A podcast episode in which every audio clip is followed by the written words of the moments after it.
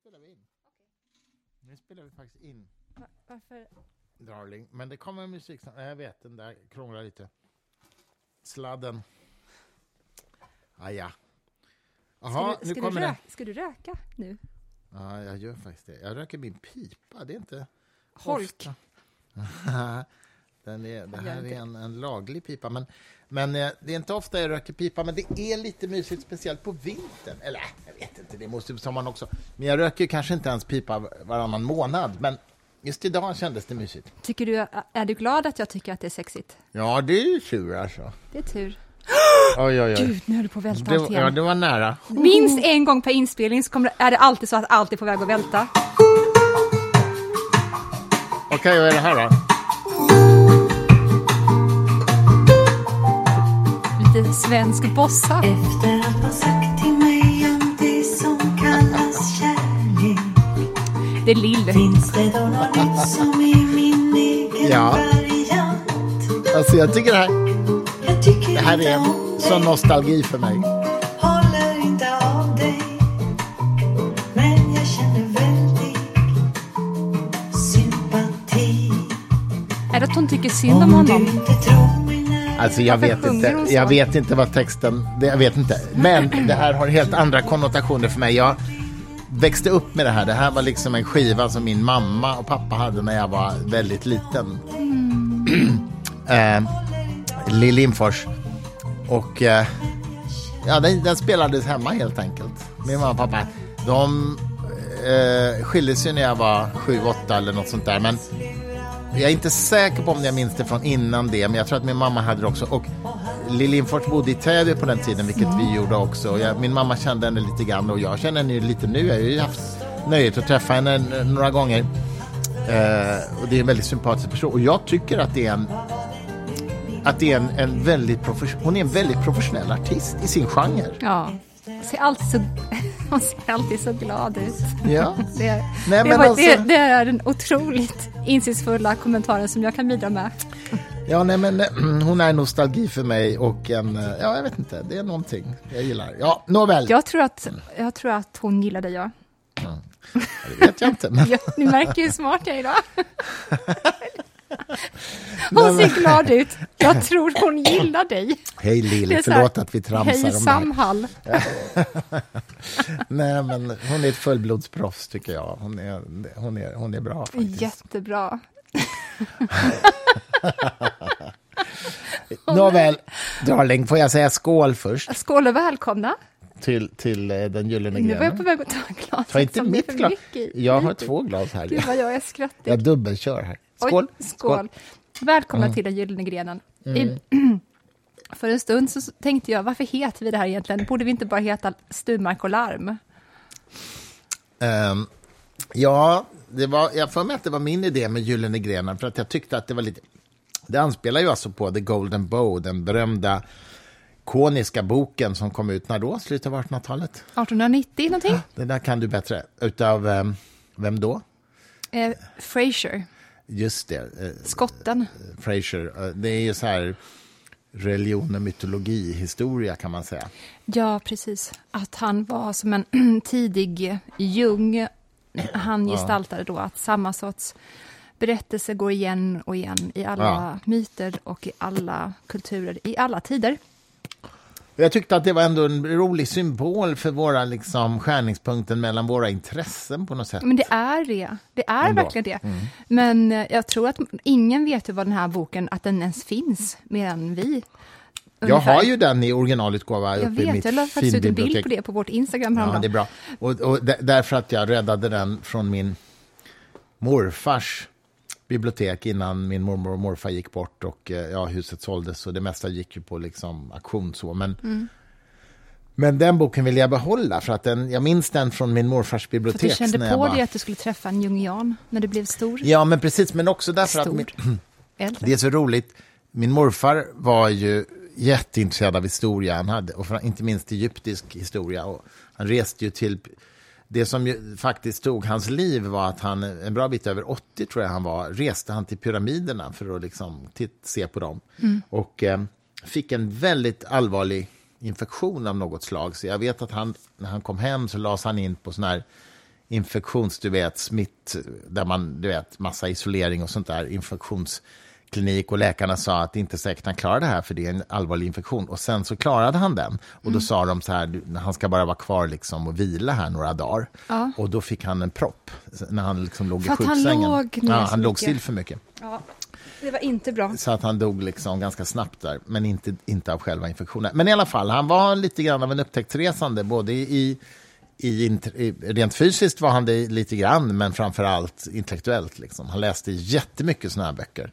Och hade även böcker i sitt bibliotek som diskuterade kristendomens ursprung och mytologi. Och har Jesus verkligen funnits? Till och med såna böcker fanns i hans bibliotek. Och jag tycker det är så kul, för att jag hade ingen som helst uppfattning om sådana frågor när jag var barn, i alla fall inte som jag minns. Men Nej. det är klart att han kan ha inspirerat mig till, till, det här, till de intressen jag har idag. Jag vet inte. Eller så satt det, sitter det i generna, älskling. Exakt. Jag Eller tror så verkligen sitter Ja, du tror ju det. Ständiga Du, genväktaren Har i den du, här lys- podden. har du lyssnat på det Nej, det nya har jag absolut glömt. Sam Harris och Jordan B. Peterson? Nej, jag vill prata om det här ändå. Jag, jag vill bara Möts säga, igen. jag har börjat få, varenda gång som vi ska podda så har jag börjat få en tvångstanke om att jag ska inleda och säga välkommen till den gyllene gryningen. Oj då, Gyllene gryning är något helt annat. Det är, är det fascistpartiet i Grekland? Nazist skulle jag säga. Och nej, ja, det var, de var, de absolut var inte nazister. kul längre. Nu, förlåt, jag löker lite pipa samtidigt. Löker, lite pipa. Röker. Nej, jag, ska hålla, jag ska hålla mig ifrån det. Men eh, okej, så här är det ju. Sam Jordan Harris Sam, podd mm. Waking Up. Eller heter det Making Sense? Fast det här är Jordans podd. Jordan har Sam Harris som gäst, True, true. inte tvärtom.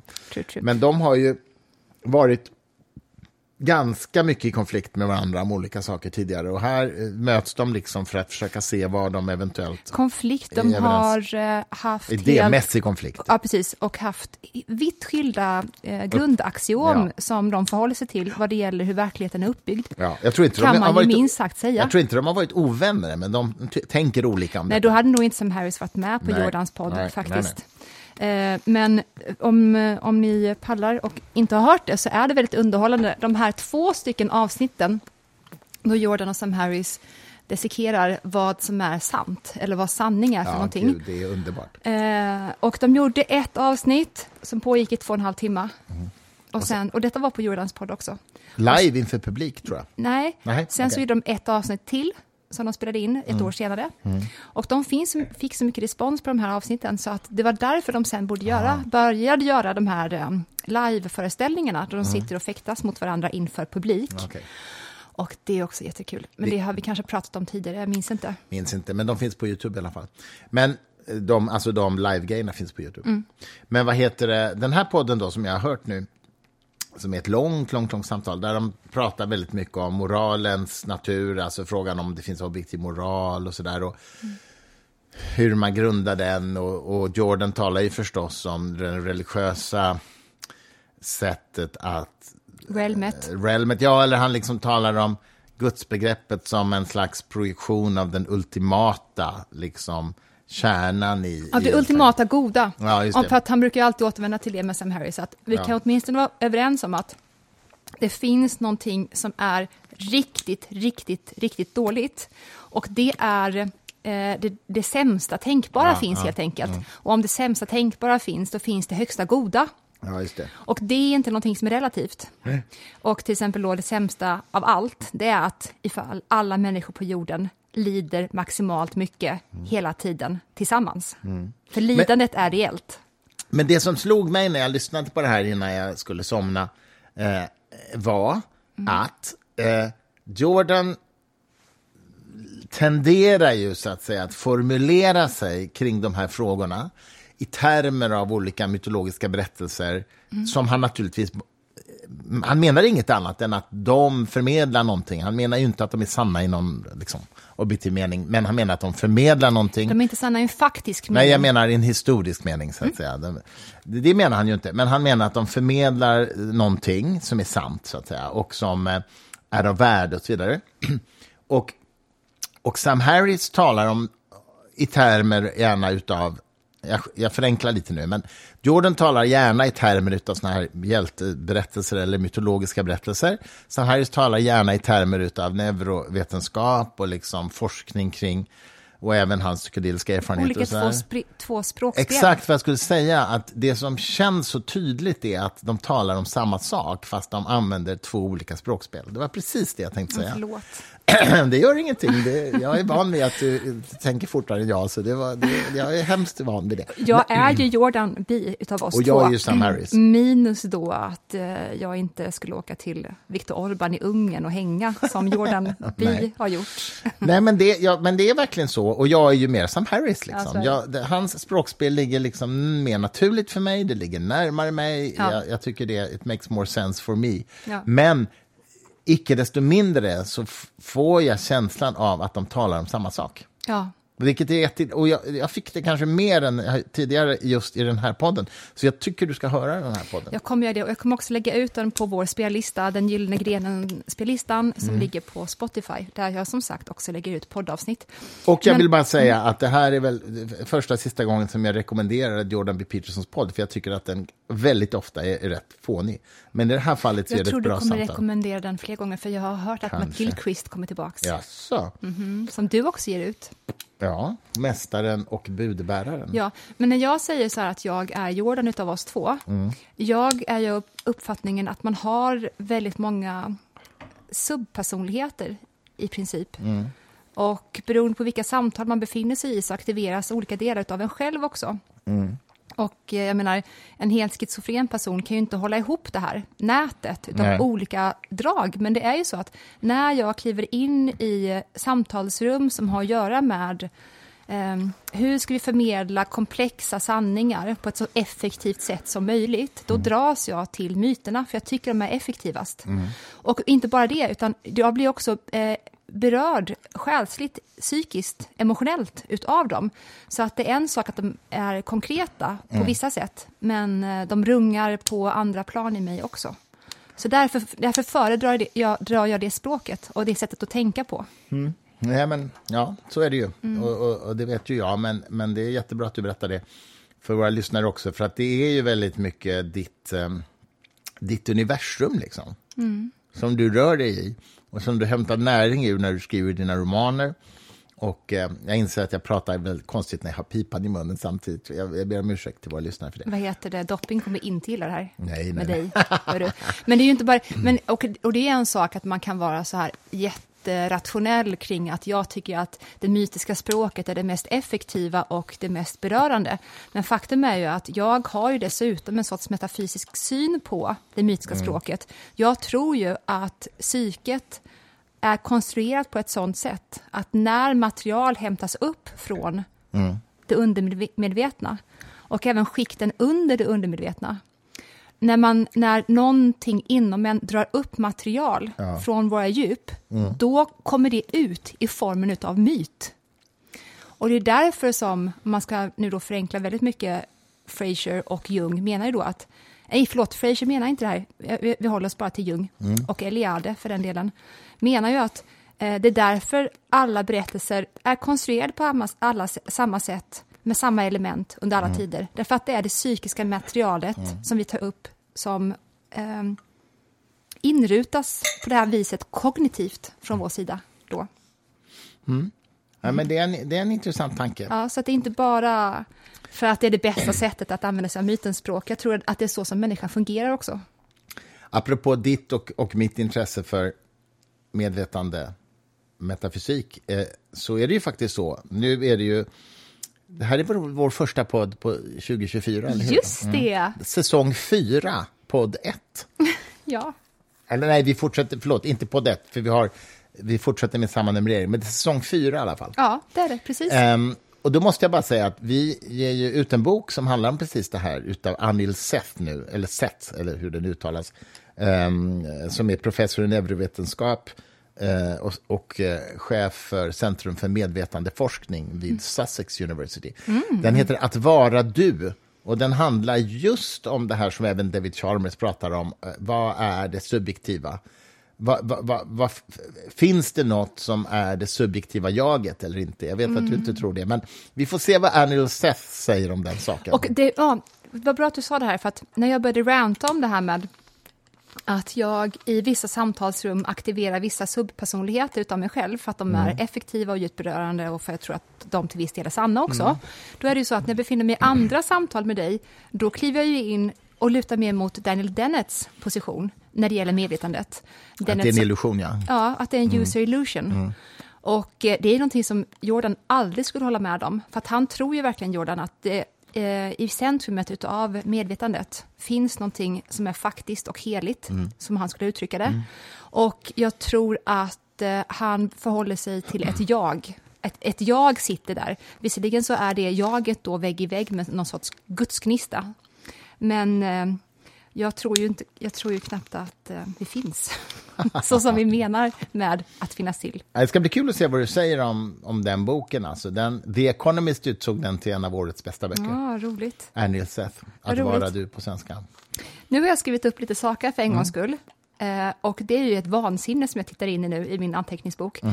Jag eh, noterar också mentalt för mig själv att jag ska aldrig mer skriva ner någonting som jag vill ta upp med dig. För att jag märkte under hela första fem minuterna på poddinspelningen att jag inte kunde tänka. För att det enda som jag tänkte på var, vad skulle jag säga nu? Förstår Jag du? vet. Det, Det går där är inte. livsfarligt. Det där är livsfarligt. Vet du, jag har, då, kan jag säga, här- här kan för en gångs skull talas om att jag, utifrån att jag är betydligt äldre än vad du är. Jag, har all, jag hade ju scenskräck när jag började vara på scen och Mm. hålla på och intervjua folk och så här.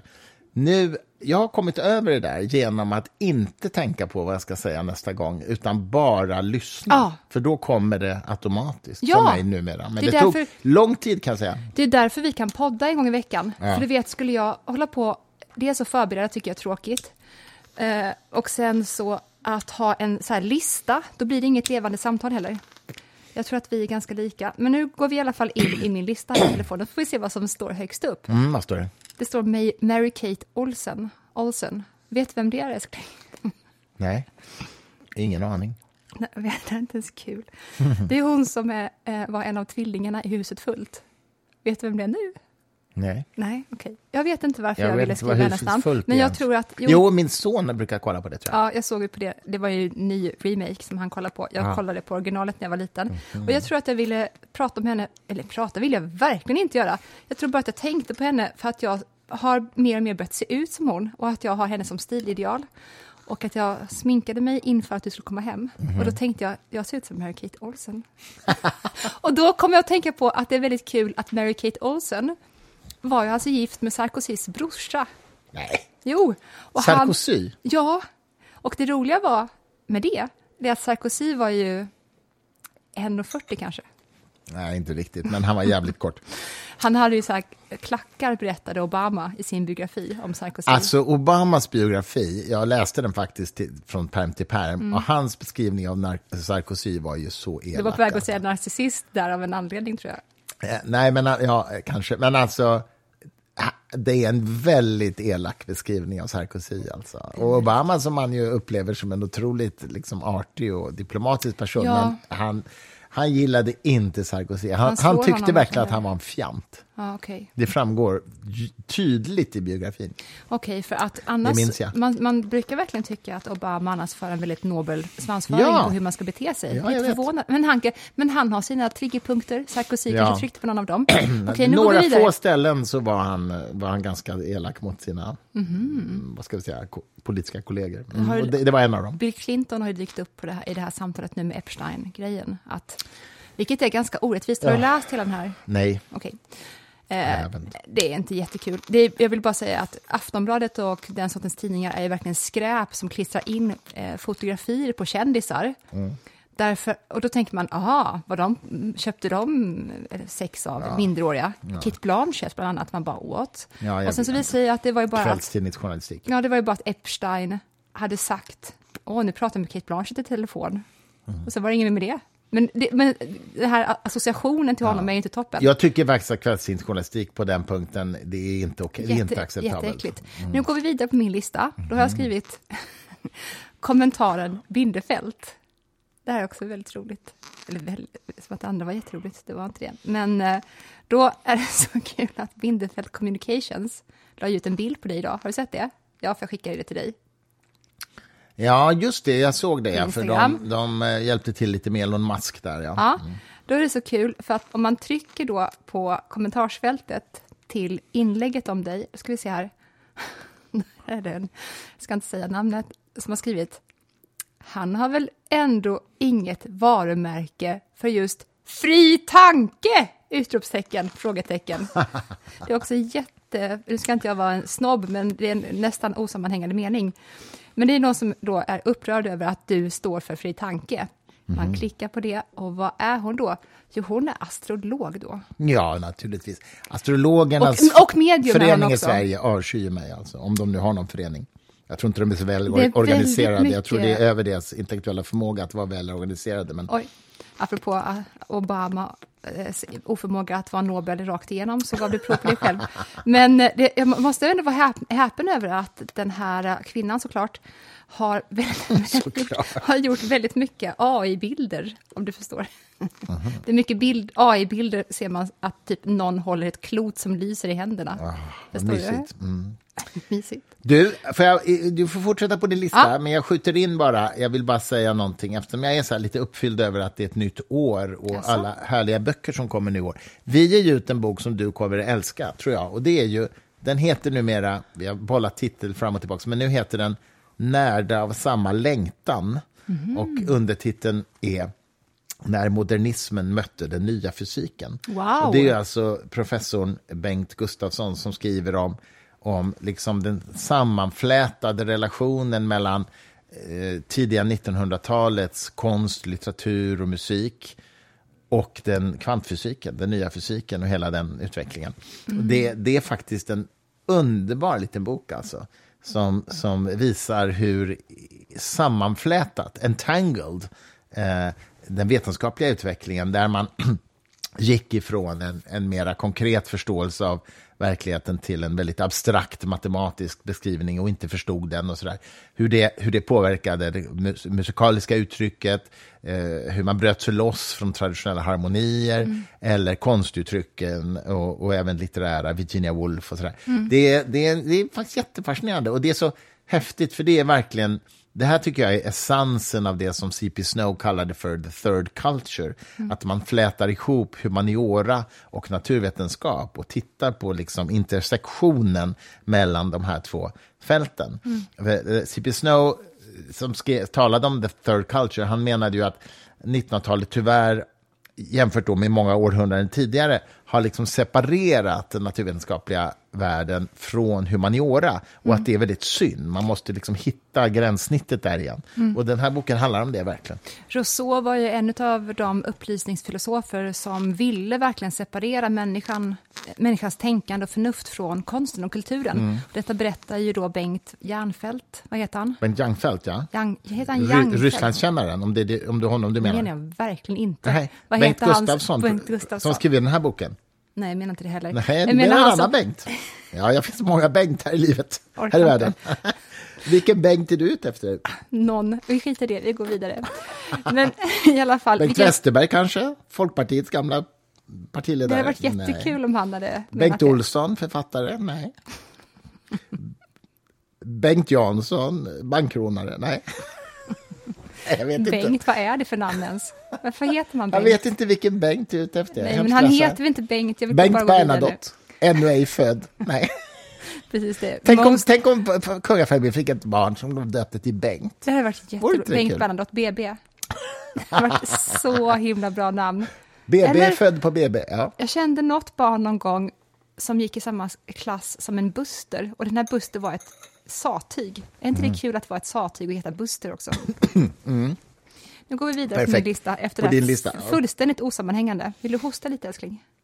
Va- ja. Varför röker du hela tiden? Nej, men det är en sån härlig pipa. Ja, men jag ska inte röka mer när Du den här vet- tar slut. Du vet- Okej. För vi har ingen eh, Okej. vattenpipa, så det får bli en vanlig. Sen, har jag, sen har jag skrivit um, Churchill och amfetamin. Jaha. Och det är förmodligen bara för att jag öppnade en Paul Roger, Ja, eller hur? det är gott. Och jag vet ju att Skål. han drack, skål älskling, han drack champagne till frukost, Churchill. tycker jag är utmärkt idé. Varför gör vi inte det oftare? Så här nedhasad i sängen, att en betjänt kommer in med en bricka. Mm. Och så får man full English breakfast med eh, champagne. Och jag kan inte jag fascineras nog av eh, människor som klarar av att dricka väldigt stora mängder alkohol på dagen. Eh, när jag såg Mad Men, till exempel, den här serien, de drack ju liksom whisky när de kom in på kontoret på morgonen. Liksom Churchill drack tidigt. Men alltså, gick de på amfetamin resten av dagen då? För att om jag hade druckit ett och ett halvt glas av något innan lunch eller runt lunch, då måste jag sova sen. Varför var Churchill så jävla pigg hela tiden när han drack? Ja, det är en jävligt bra mycket? fråga. Nej, men det, Dygnet runt. Han, man blir ju han, trött av det, jag håller med. Han åt också väldigt, vet jag, tunga sömnmediciner varje kväll när han gick och la sig. Så att då borde han vara ännu tröttare. Jag fattar inte. Nej, men ibland är det ju... Nej, men jag, jag håller med dig, man blir jävligt trött. Jag har, Man ju ibland, jag har ju ibland haft sådana här klassiska förläggarluncher. Det ingår ju då att man dricker vin. En klassisk Vad är det förläggare... för förläggarluncher? en, förläggare, en förläggare som träffar en potentiell författare. Eller, Nej, eller, äh, jag har aldrig fått med. Jag har aldrig fått vara då, med. då, då, I vissa sammanhang då måste man dricka vin. Är det så? Ja, ja, ja. Har jag berättat för dig om min fantastiska lunch med PC Jersild och Leif GW Persson? Nej. Ja, men jag vill att du ska göra det. Nej, men, Igen, men det, tror jag. det var, då, då dracks det en del vin kan jag säga. Eh, nej, jag trodde att Leif var den Inte i första hand utav PC och mig, men, men även oss förstås. Men det var Mm. en otroligt rolig lunch. Jag kommer aldrig glömma. Leif GW kom ju igång på ett fantastiskt sätt. Och han förklarade bland annat för mig hur man kan gräva ner lik i sin trädgård Mm. och på ett sånt sätt så att likhundar, alltså spårhundar, inte kan upptäcka dem i en undersökning. Mm. Hur då gör man det? Ja, Vinet stod i vägen jag för det minnet jag kommer faktiskt inte ihåg det. Han hade en lång utläggning om detta och avslutade med att bara säga att ja, det där kan, man ju, det kan du ha nytta av någon gång. Vad heter det? det? Det hade varit extremt besvärande, för nu satt jag ju var flin, flinig över att det var gulligt att han satt och berättade om det här, GV. Mm, Men det hade varit jätteobehagligt ifall du hade sagt till mig att det var PC som berättade det här för dig.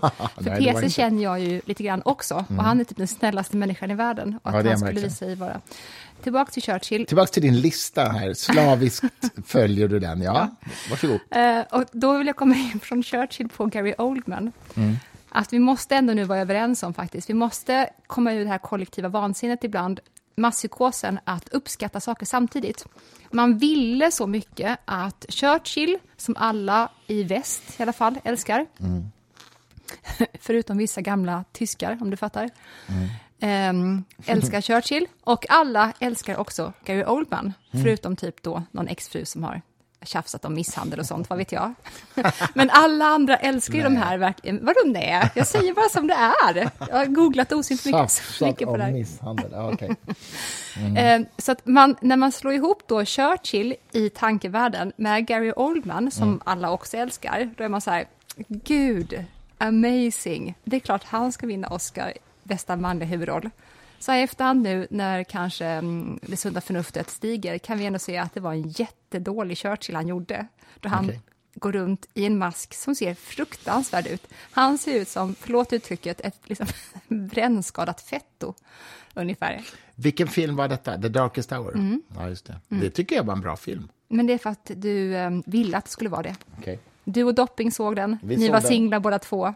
Två män på Ja, en det bio. var vi faktiskt. Det Ja, var det det. var det faktiskt. Det var innan du träffade mig. Jag vet det. Ehm, och Vilken koll du har. jag vet. Jag vet att Gary Oldman faktiskt var på riktigt en, en nära vän till David Bowie. De umgicks ganska mycket. Ja, men jag gillar också Gary Oldman jättemycket. Men det där var verkligen inte bra. Jag är ledsen. Nej. Ja, ja, Han jag, tror, jag pratade- tror dig. Jag tror dig. Han pratade Det är du som kan film i det här äktenskapet. Jag är bara enkel filmkonsument. Som- men det är jättekul att, jag, att varenda gång som sån här film med tanter som sitter i en båt och håller i en bok. det har, har med en bokcirkel att göra. Christer bara, ja, där har vi en En film till oss. film. Jag tycker inte om när filmer blir för komplicerade, när de håller på att hoppa fram och tillbaka i tiden och såna saker. Jag kan inte hålla Du gillar jag, inte Jag känner när- inte igen skådespelarna efter ett tag, för jag är precis. ansiktsblind. Efter ett tag. Du känner inte igen dem någon, någon gång. Du gillar inte när fler är med i filmen än en. Och Nej. även om en skulle vara med skulle du säga efter en stund, vem är det? Ja, det är skitkomplicerat. De håller på att se ut på olika sätt och sådär. Framförallt, ja, i där de i, i tid, hoppar tillbaka i tiden och så är det nutid, då ser de ut på olika sätt. Hur ska jag veta att det är samma Då ser de skådespelare? ut på olika sätt. De ser inte ut på Ibland olika är sätt. de inte samma skådespelare. Då ska man ändå veta att det är samma roll de spelar. För att det, han spelar eh, honom som ung. Liksom, Väldigt ofta, väldigt, ofta kommer väldigt ofta kommer in en film, eh, nej förlåt, en tjej in i filmen. Då säger du alltid, vem är det? Så fort det är en tjej. Vem är det? Ja, det är en tjej, Hur Christer. ska man veta det då? Det är så roligt. Och så, och så säger jag så här, jag, och så säger jag ibland till dig så här, jag fattar inte vad som hä- händer här. Eller, eller så här. Och du säger så här, ja men det är inte meningen att man ska fatta det. Gillar säger jag. inte. Nej, och då tänker jag så här, vad, vad gör man då en film för om man inte ska fatta? Det, det, det är jättekonstigt. Att, att inte Ja, ja. filmbolag har liksom bett dig att blurba mer är ju konstigt. Christer Sturmark, jag, jag fattar inte. Mm. Okej, Ehm, vad står okej. med på din lista? Alltså, okej. Är det här listan över det gångna året? Eller är det Nej, det är det verkligen inte. Nej. Nej, nej. Jag har inget mer att säga om den saken, det är bara inte det. Uh, är det du som ska, ska hämta mer champagne till oss? Ja, det Va? är det. Jag vet. Ja, men du kan få lite av mig här först. Ja, men det är bra. Fast häll inte då, för att då eh, blir kolsyran uh, Jaha, sämre. vad ska jag göra då med det Vi då? kan dricka ur samma glas kanske. Vi har ju Nej, här mer intima saker än så. Vänta. Så, det där, jag klarade det bra. Så, varsågod. Mm. Okej. jag la också ut en rolig karta som jag hittade på Instagram där jag tänkte nu göra ett religionstest på dig. Ja, det får du. Under tiden som du letar upp det får jag göra reklam för en, ett event. Bara för det så kommer det upp en bild på dig och Bengt Westerberg i min telefon just nu. Ja, just han ser jättetrött ut när han lyssnar på dig här. Du, Mm. får jag reklam för ett event? Ja. Vi, lite reklam får man göra i den här podden i alla fall. Vi släpper ju Peter Singer, Ja, för filosofiprofessorns skull. nya bok. Gör reklam. Och den 17 januari, det är ju bara om en, ja, typ om en vecka eller två veckor, så har vi boksläpp på Scalateatern i Stockholm eh, om hans nya bok och eh, samtal på scenen och så vidare. Och artisten José González, världsartisten José González, eh, får man säga, eh, tonsätter kvällen. Han kommer att spela. Så det är liksom lite konsert med José González och samtal på kvällen också med eh, Eh, bland annat med eh, en annan filosofiprofessor, svensk sådan, Erik Agner. Men eh, om, om Peter Singers effektiva altruism och hans... Eh, det liv du kan rädda heter boken i alla fall. De handlar om vad, hur vi borde rädda de som har det värst och sämst i världen på ett bättre sätt än vad vi gör. Very good. Kom Så det, gå in till Fri Tankes hemsida och, och köp biljetter, för det är faktiskt fint. Och José González som sagt var. Ja. Allt i ett, Mm. Eh, CP Snow och The Third Culture. Ja, exakt. exakt. Okej, Jaha, nu ska jag göra religionstest. det här Kör. test på dig nu. Och eh, jag tycker att det är roligt ifall du svarar på frågorna om dig först. Mm. Och sen så gör jag det här testet på dig, fast utan dig, enligt mig. Jaha, okej. Okej. How, ska vi köra på svenska eller engelska? Svenska. Okej. Eh, hur många gudar vill du dyrka? Eh, Okej, vi kör på engelska, för jag orkar inte översätta. Okej. A ton of them, one, none. None. Mhm. Var det svårt att gissa? Ja, men det är ju hur många gudar man vill dyrka. Mm. Menar, om det finns gudar så vill man ju dyrka ihjäl sig bara. Nej. Nej, Även om det finns gudar vill jag inte dyrka dem. det vill du inte. Nej, nej, nej. Alltså, det är verkligen två helt separata frågor. Men de kanske är jättehärliga gudar. Ja, men varför ska jag dyrka dem? Jag tycker det är en osund relation. Men, men att dyr, jag dyrkar ju dig.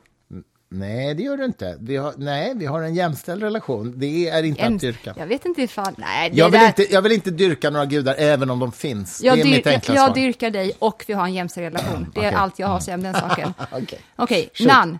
Okay. Här, är bästa frågan då. Då läs du vidare. Mm.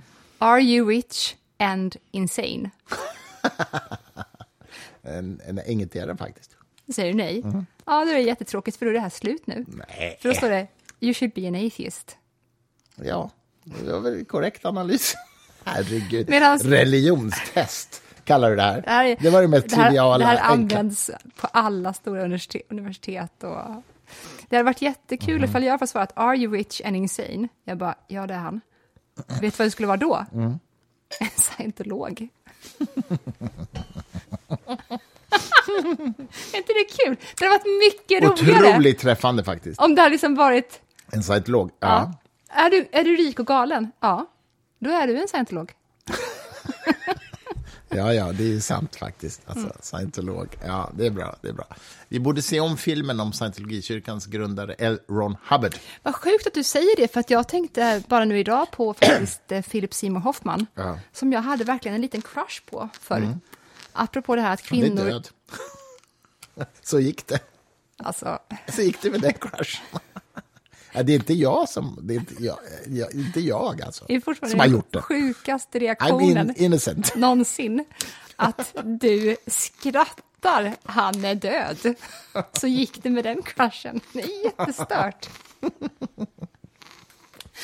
Jag tror jag behöver hämta mer champagne snart. Men vi, ja, vi kör lite till. eh, jag kommer helt av mig här nu, för att jag är helt liksom Var det här- där din religionstest? Det var ju inte jätteimponerande. Det var väl jätteavancerat. Ska jag göra, ska jag göra det på mig? Ja. Högt? Okej, jag gör det väldigt fort, för jag tror folk var mest intresserade av dig i det. Okej, how many gods do you want to worship? Och det är ju komplicerat, för jag vill ju inte dyrka någon, jag vill dyrka en och jag vill dyrka jättemånga eh, stycken utav dem. Så att om jag måste välja så vill jag ju ha många, för att jag tror att eftersom jag förhåller mig till arketyper så är det det närmaste jag kan komma. Mm. Du är hindu kanske? Ja, men det Miljoner blir ju det nu ju. Mm. Okej, och sen så då frågan, eh, do you want to be reincarnated? Det vill jag inte, för att hela mitt liv som jag riktar min uppmärksamhet mot är ju att eh, bli fri från alla samskaras och vasanas. Det är Ja, alltså... det, du blev du buddhist plötsligt. Ja. Nej, det är hinduism Mhm. faktiskt. Och då kom Mm. det faktiskt, jag vill inte bli reincarnated, då blev jag direkt så, ja, you should follow the Maya religion. Maya. Mayan? Ja, just det, Mayan, vad är det? Är det de som jag är släkt? Maya-indianerna som offrade människor, så här, människooffer. Det Nej. låter lite som jag ändå. det skulle passa dig faktiskt. Är det? Det skulle passa dig jättebra. Att man är så här sinnessjuk. Förutom att det är förbjudet och, och oetiskt. Men Ja. bortsett från de Men detaljerna. att jag fortfarande har egenskaperna menar du? Ja. Och, Ja, ja, och klockrent. det, klockrent. Och att jag fortfarande vet i det här jätte, jätte mm, Du skulle säkert hitta någon arketyp i att ta ut hjärtat. Och liksom. abstrakta realmet är jag fortfarande Ja. sjukt konsekvensetisk. Eller hur? Ja, ja, ja. Och, och som sagt, säkert hitta någon arketyp där i ett ut, utsnittat hjärta. Jag är ju liksom. släkt med, med dem, det vet jag ju. Ja, jag vet. Peru, ja. Ja, Mm, jag vet. vilket är Din, via din pappa. sinnessjukt otippat. Det var ju ingen som trodde det. Men Har du berättat om... Nej, det kanske du inte vill. det Men... kanske jag inte ska. Nej, Men det okej. visar att vi, vi har... Japp. Ja, nej, men precis. Maya, ma, ja, peru, peruanskt. Peruanska gener har du i alla fall i din, i din släkttavla. Mm. Och, vilket leder mig till, nu är min lista Jävligt slut, den här jättekonstiga Nej, du skulle prata om Kapten Krok. Ja, men jag ska det också, kanske. Men jag vill- bara säga, eh, ni är jätte, jätte underbara lyssnare som inte reagerade på att jag sa ordet eh, eh, inföding ungefär 3000 gånger förra poddavsnittet. Gjorde du? Ja, Det får man inte säga, tror jag, nej, idag. nej, jag sa det hela tiden. Mm. Är det för att vi typ bara har så här den gyllene gryningen eh, lyssnare? Nu blir du cancelled Ja, Cancelled from what, liksom? Jag från här, allt.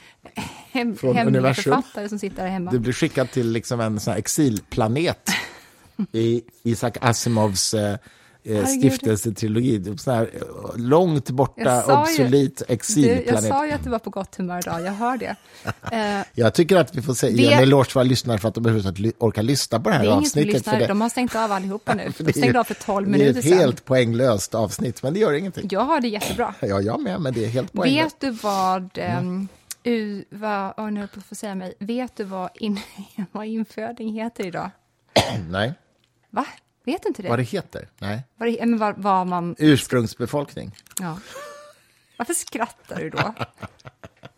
Det är så sjukt Ja, att. Det gör ju inte saken varken bättre eller Först sämre. skrattar du åt, åt att Philip Seymour Hoffman är död. Ja. Sen skrattar du åt ursprungsbefolkningar runt om i hela världen. Kan någon från en förening skicka ett hatmejl till Christer? Jag har Obs, ingenting emot det. Det är bara det att, att byta namn på saker gör liksom, har ingen reell effekt. Ibland kanske det ändå är bra. Typ att någon är retarderad. Det låter inte toppen längre. Att någon är efterbliven. är bättre menar du? Vadå, på ursprungsbefolkning? Nej. Nej, men nu får du skärpa dig.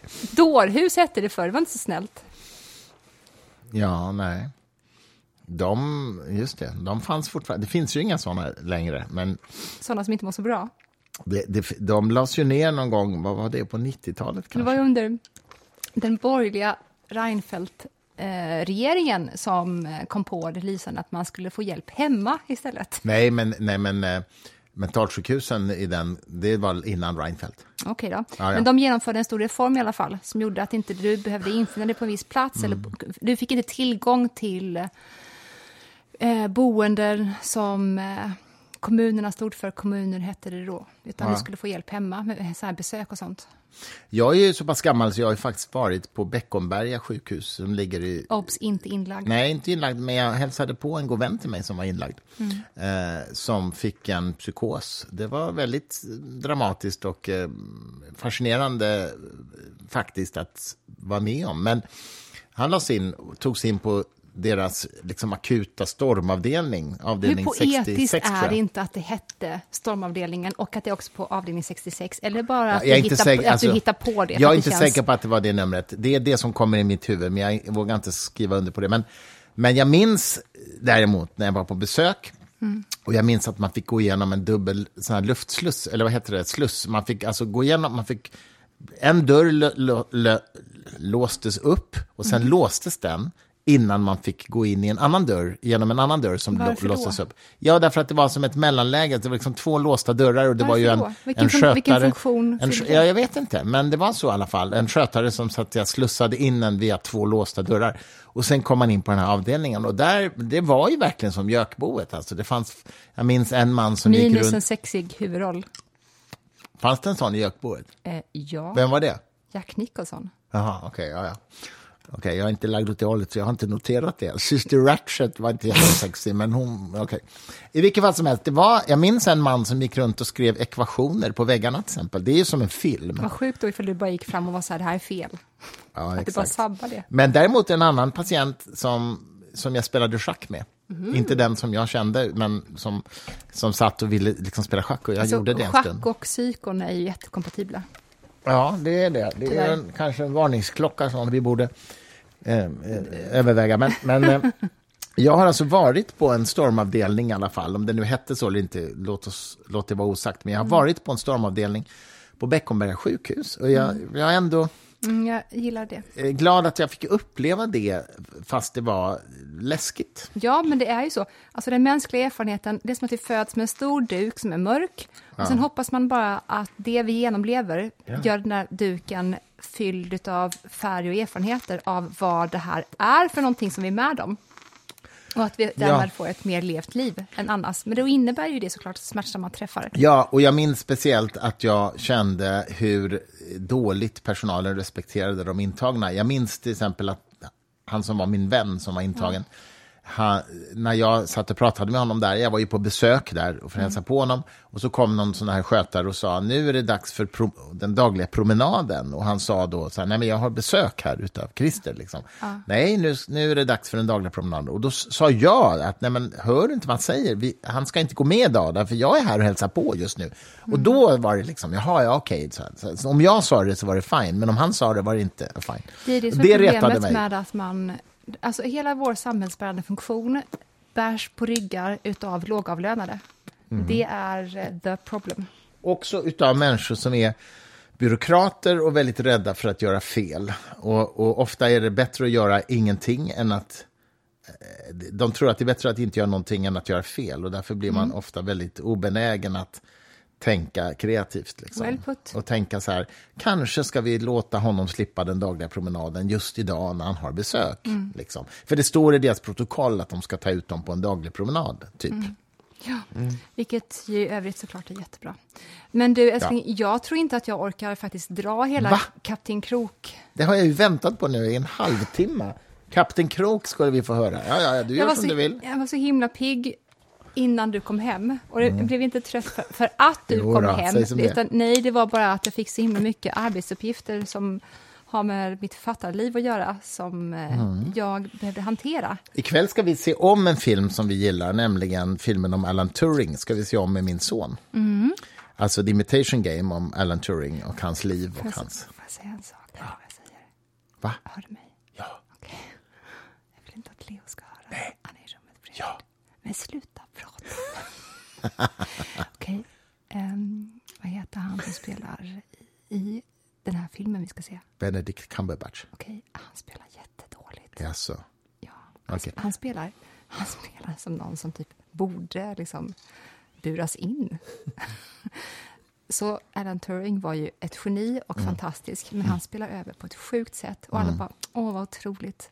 Det var inget bra heller, lovar. Nej, du har säkert rätt. Eh, jag minns inte det. Jag har sett den, men det är länge sedan. Men eh, han, eh, Turing var ju Asperger såklart. Och det, jag kan tänka mig att de överdriver det. Spelar över det. Men sen dess har jag, och jag älskar ju ehm, romanerna om Patrick Melrose. Jag är Mm. besatt av dem. Jag, har läst igenom varje bok minst tre gånger. Och de är då skrivna ut av, ehm, vad i he- hela friden heter han? Patrick Melrose. Eh, Edward St. Aubyn heter Mm. han. Eh, en av de största författarna som lever idag. Och när de här romanerna skulle göras till tv-serie, då använde man Benedict Cumberbatch och han bara typ förstörde hela serien. Det var en katastrof. Han är ingen bra skådis, han har bara ett jättespeciellt ansikte. Så kan det vara ibland. Och speciellt namn. Kanske hjälper också. jag vet inte. Jo, säkert. Verkligen. Men eh, som en teaser då, nästa vecka så ska jag berätta lite grann om Kapten Cook. Säger du nu ja. Jag har just nu tvångstankar på att säga kak istället, men det ska jag absolut inte säga. Nej. Nej. Jag gjorde just det, men okej. Okej, och Ehm. eh, hans förhållande till sin andra styrman som var Banks, för Banks var ju ett riktigt, riktigt svin, men Captain Cook var inte det. Och ifall ni vill lyssna på en liten teaser om Captain Cook inför vårt kommande avsnitt, Mm. då kan ni lyssna på upplysningsavsnittet som jag och Christer släppte, Mm. med mannen som jag trodde hette Gunnar, men det heter han inte. Gunnar Petri, jo. Heter han Gunnar, ja, ja, ja. Gunnar? Ja, ja, ja. ja, ja. Han har skrivit en bok på Okej Fri tanke om, Okej. om upplysningen. Gunnar Petri var alltså den Gunnar som inte jag trodde hette Gunnar. Men vi gjorde en... Sist jag kollade hette han det faktiskt. Okej, man vet inte. Han kanske har blivit Gunnel. Ja, man vet inte i dessa tider. Oj. Och så pipan i mungipan. Eh, I alla fall, inför mitt kommande Captain Cook-avsnitt, då så nämner jag honom lite grann med Gunnar Petri. Och det är kanske fem avsnitt bort. Och jag vill bara outa mig själv som att det kanske av många konstiga saker jag har sagt i vår podd, det är en del, Ja, det är en del. behöver inte hålla med faktiskt. Då är kanske det konstigaste att Gunnar Petri säger till mig, men eh, kanske var det så att Cook eh, tafsade på tjejer när han var iväg på sina resor. Apropå då att många universitet nu för tiden vill cancella Cook. Och eh, jag vet att det har att göra med att man nu ser på den här eran som den postimperiala och att man tycker att Cook stod för då Postimperialistiska, eller? Ja, Menar du? förlåt, ja, ja. Och att Cook stod för, ett imperie som då var Storbritanniens och att därför så ska han tas bort från historien för att hans resor orsakade massa skit helt enkelt. Men då sa jag till Gunnar Petri, nej, nej, Cook, eh, han tafsade inte på någon. Det var hans eh, vicechef Banks som gjorde det.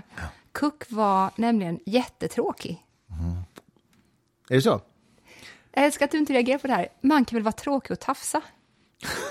ja. Alltså mitt huvudargument till Gunnar Petri var, nej, nej, nej, eh, det gjorde han Du inte. menar att det var ett dåligt argument? Ja, men, och, och de som då begår så här metoo och sånt, de är så här glada gamänger som är härliga. Okej, Vadå? nu fattar jag din poäng. Ja, jag, fattar, jag fattar din poäng. Jag tänkte bara så här, hur fan vet du att han inte tafsade på tjejer? Jag Därför tänkte han- som mina kreationistkompisar skulle säga, var du där? ja, ja. Du, jag bara frågar en sak, jag ser en bok i bokhyllan just nu. Ja, Har du läst Wittgenstein. Filosofen som inte kunde, ville tala? Har du läst den? Två gånger. Ja. Två gånger, jag bara gånger. den Jag hade gång. inget toppenliv just då nämligen. Jag, Ja, läste, okej. jag började om från början igen Men direkt. den är faktiskt skitkul. Sten Andersson, Den är svensk fantastisk. eh, biograf. Den är Eh, fantastisk. Den är faktiskt det. Ja. Och det, det Wittgenstein kommer ju inte jättefint ut ur den, kan man säga. Men det, jo, det det gör han visst. Ja, fast han... ja, Okej. Det är i alla fall inte någon Du är mer känslig inför att slå barn. Du är mer känslig inför att slå barn och sånt Ja, där. ja, det är jag onekligen. Men eh, det, Wittgenstein brukar ju talas om med väldigt stor vördnad. Och han är i alla fall inte så vördnadsfull. Jag tycker om det. Vad tror du det hade att göra med att Russell var så begeistrad av Ja, det är en jävligt bra Var fråga. han lite, om du fattar? Ja, kanske. Jag, jag vet faktiskt inte. Eller bara väldigt fascinerad av den. Jag, jag, jag, jag vet verkligen inte. Jag vet Nej. inte. Wittgenstein var ju total crazy, men säkert ett geni också. Jag tror att han, var, att han är överskattad idag. Det är min, min arbetshypotes som gärna får motbevisas. Men jag tror att man tillskriver honom kvaliteter som är överdrivna. Han presterade bara Traktatus under, eh, under sin livstid, publicerat. Och det är en skrift som jag har läst och den är... Ja, jag blev i alla fall inte så jätteimponerad. Det är En tunn, liten tunn skrift. Och han var jävligt kaxig. Han sa liksom, filosofin börjar med mig. Jag behöver inte kunna någon tidigare filosofi. Eh, jag vet inte. Jag tror att, och han var en slags sektledartyp. Alltså. Hans elever och lärjungar klädde sig som honom och försökte gå som honom. Och det, allt det där är jag allergisk mot. Jag har svårt för sekter. Alltså. Jo, men det är väl en sak ifall när Goethe skriver Den unge Werthers lidande, Mm. då så skriver inte han den för att han vill uppmana människor att klä sig i grön kavaj. Nej. Men konsekvensen av boken blev ändå att de gjorde det. Mm. Och jag tror inte att, med tanke på att eh, Wittgenstein med högsta sannolikhet faktiskt var autistisk, Ja, det var han så tror inte jag att han brydde sig ett skit om hur folk klädde sig. Jag tror att det var ett mänskligt... ehm, Nej. Ja, men jag håller med om en, det. en, en, en, en reflex från en grupp som, som vi upprepar i massa olika Mm. situationer i alla tider. Det hade inte med Ludvig att göra. Jag, nej men, alltså, det, jag menar inte att han var en cynisk medveten sektledare. Jag menar att hans eftermäle präglas av att han hade lärjungar som hade en sekteristisk relation till honom. Det är inte hans fel. Han Nej, var precis. bara så som han var. Precis, men Mm. det var, jag måste ändå säga, alltså, eh, de som du tycker väldigt illa om, det är ju Wittgenstein och Heidegger. Medan jag verkligen har fått sådana upplevelser utav Wittgenstein och Heidegger, och då menar jag inte utav Traktatus i Wittgensteins fall, utan det har att göra med breven, Mm. och det har att göra med eh, att hans elever efterformulerade vissa föreläsningar. Mm. Och vad både Heidegger och Wittgenstein hade gemensamt, det var att de ändå riktade ens lärjungefokus Mm. mot ett rum som väldigt sällan man går in i. Mm. Som har att göra med språkets upplösning, älskling. Ja. Förstår du vad jag menar?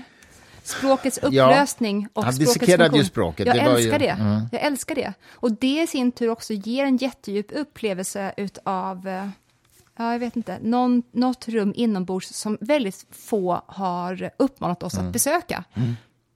Jo, men alltså, jag, jag tror också att Wittgenstein tillförde något. Jag tror bara att det inte var så mycket som hans eftermäle vill hävda. Alltså, jag menar inte att han var helt att han var, inte gav någonting alls. Jag tror verkligen att han gjorde det. Men, men jag tror att det är överdrivet och Ja. upphöjt. Ja, ja. Sen så vill jag ju också säga, bara för att kasta in en pinne i brasan innan vi ska sluta nu, Mm. att eh, alla som har läst eh, kristna filosofer, Mm. så fort man läser 1900-tals filosofi, då är man så här, ja, ja, ungefär, det här har vi, vi läst sen forever. Mm. Det är bara det att eh, grundaxiomet där är Gud.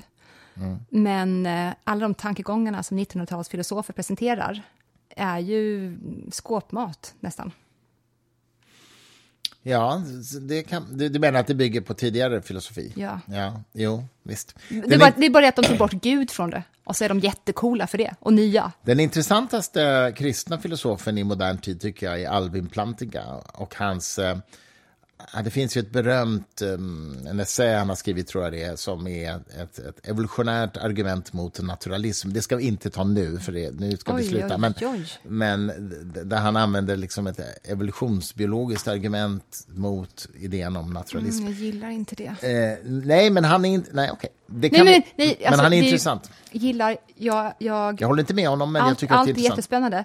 Men så fort man från religiösa domäner ska ge sig in i ett språk som har med logik att göra, Mm. då blir jag så här, nej. Don't go there. Låt, Nej, låt naturvetarna hålla på med logik, vi andra håller på med det tysta rummet. Du, ska vi avrunda kanske? Vi håller på en timme nästan nu. Vi Utan kommer, att säga... vi kommer fortsätta exakt Utan här, att säga utan att mycket. spela in. Ja, jag vet, men Ska jag få mat nu? nu ska du få mat. Eh, och framförallt lite mer champagne. Men du, ehm, jag avslutar med lite lill faktiskt. Varför heter hon Lill? Ja, fråga hennes föräldrar. Det är inte ett jättefeministiskt nam- namn att döpa någon till Lill. Det var ju en kvinnosyn i att kalla någon för Lill. Var det det? Jag menar, döp döp inte henne till Stor. Men Lilla heter hon inte, hon heter Lill. Herregud. Jag tror att det har helt andra etymologiska rötter än liten. Men...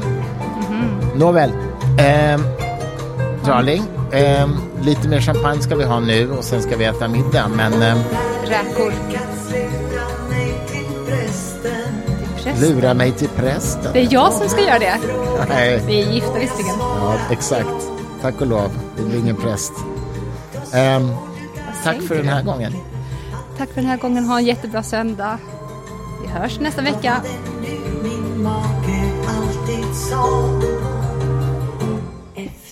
Man sagt till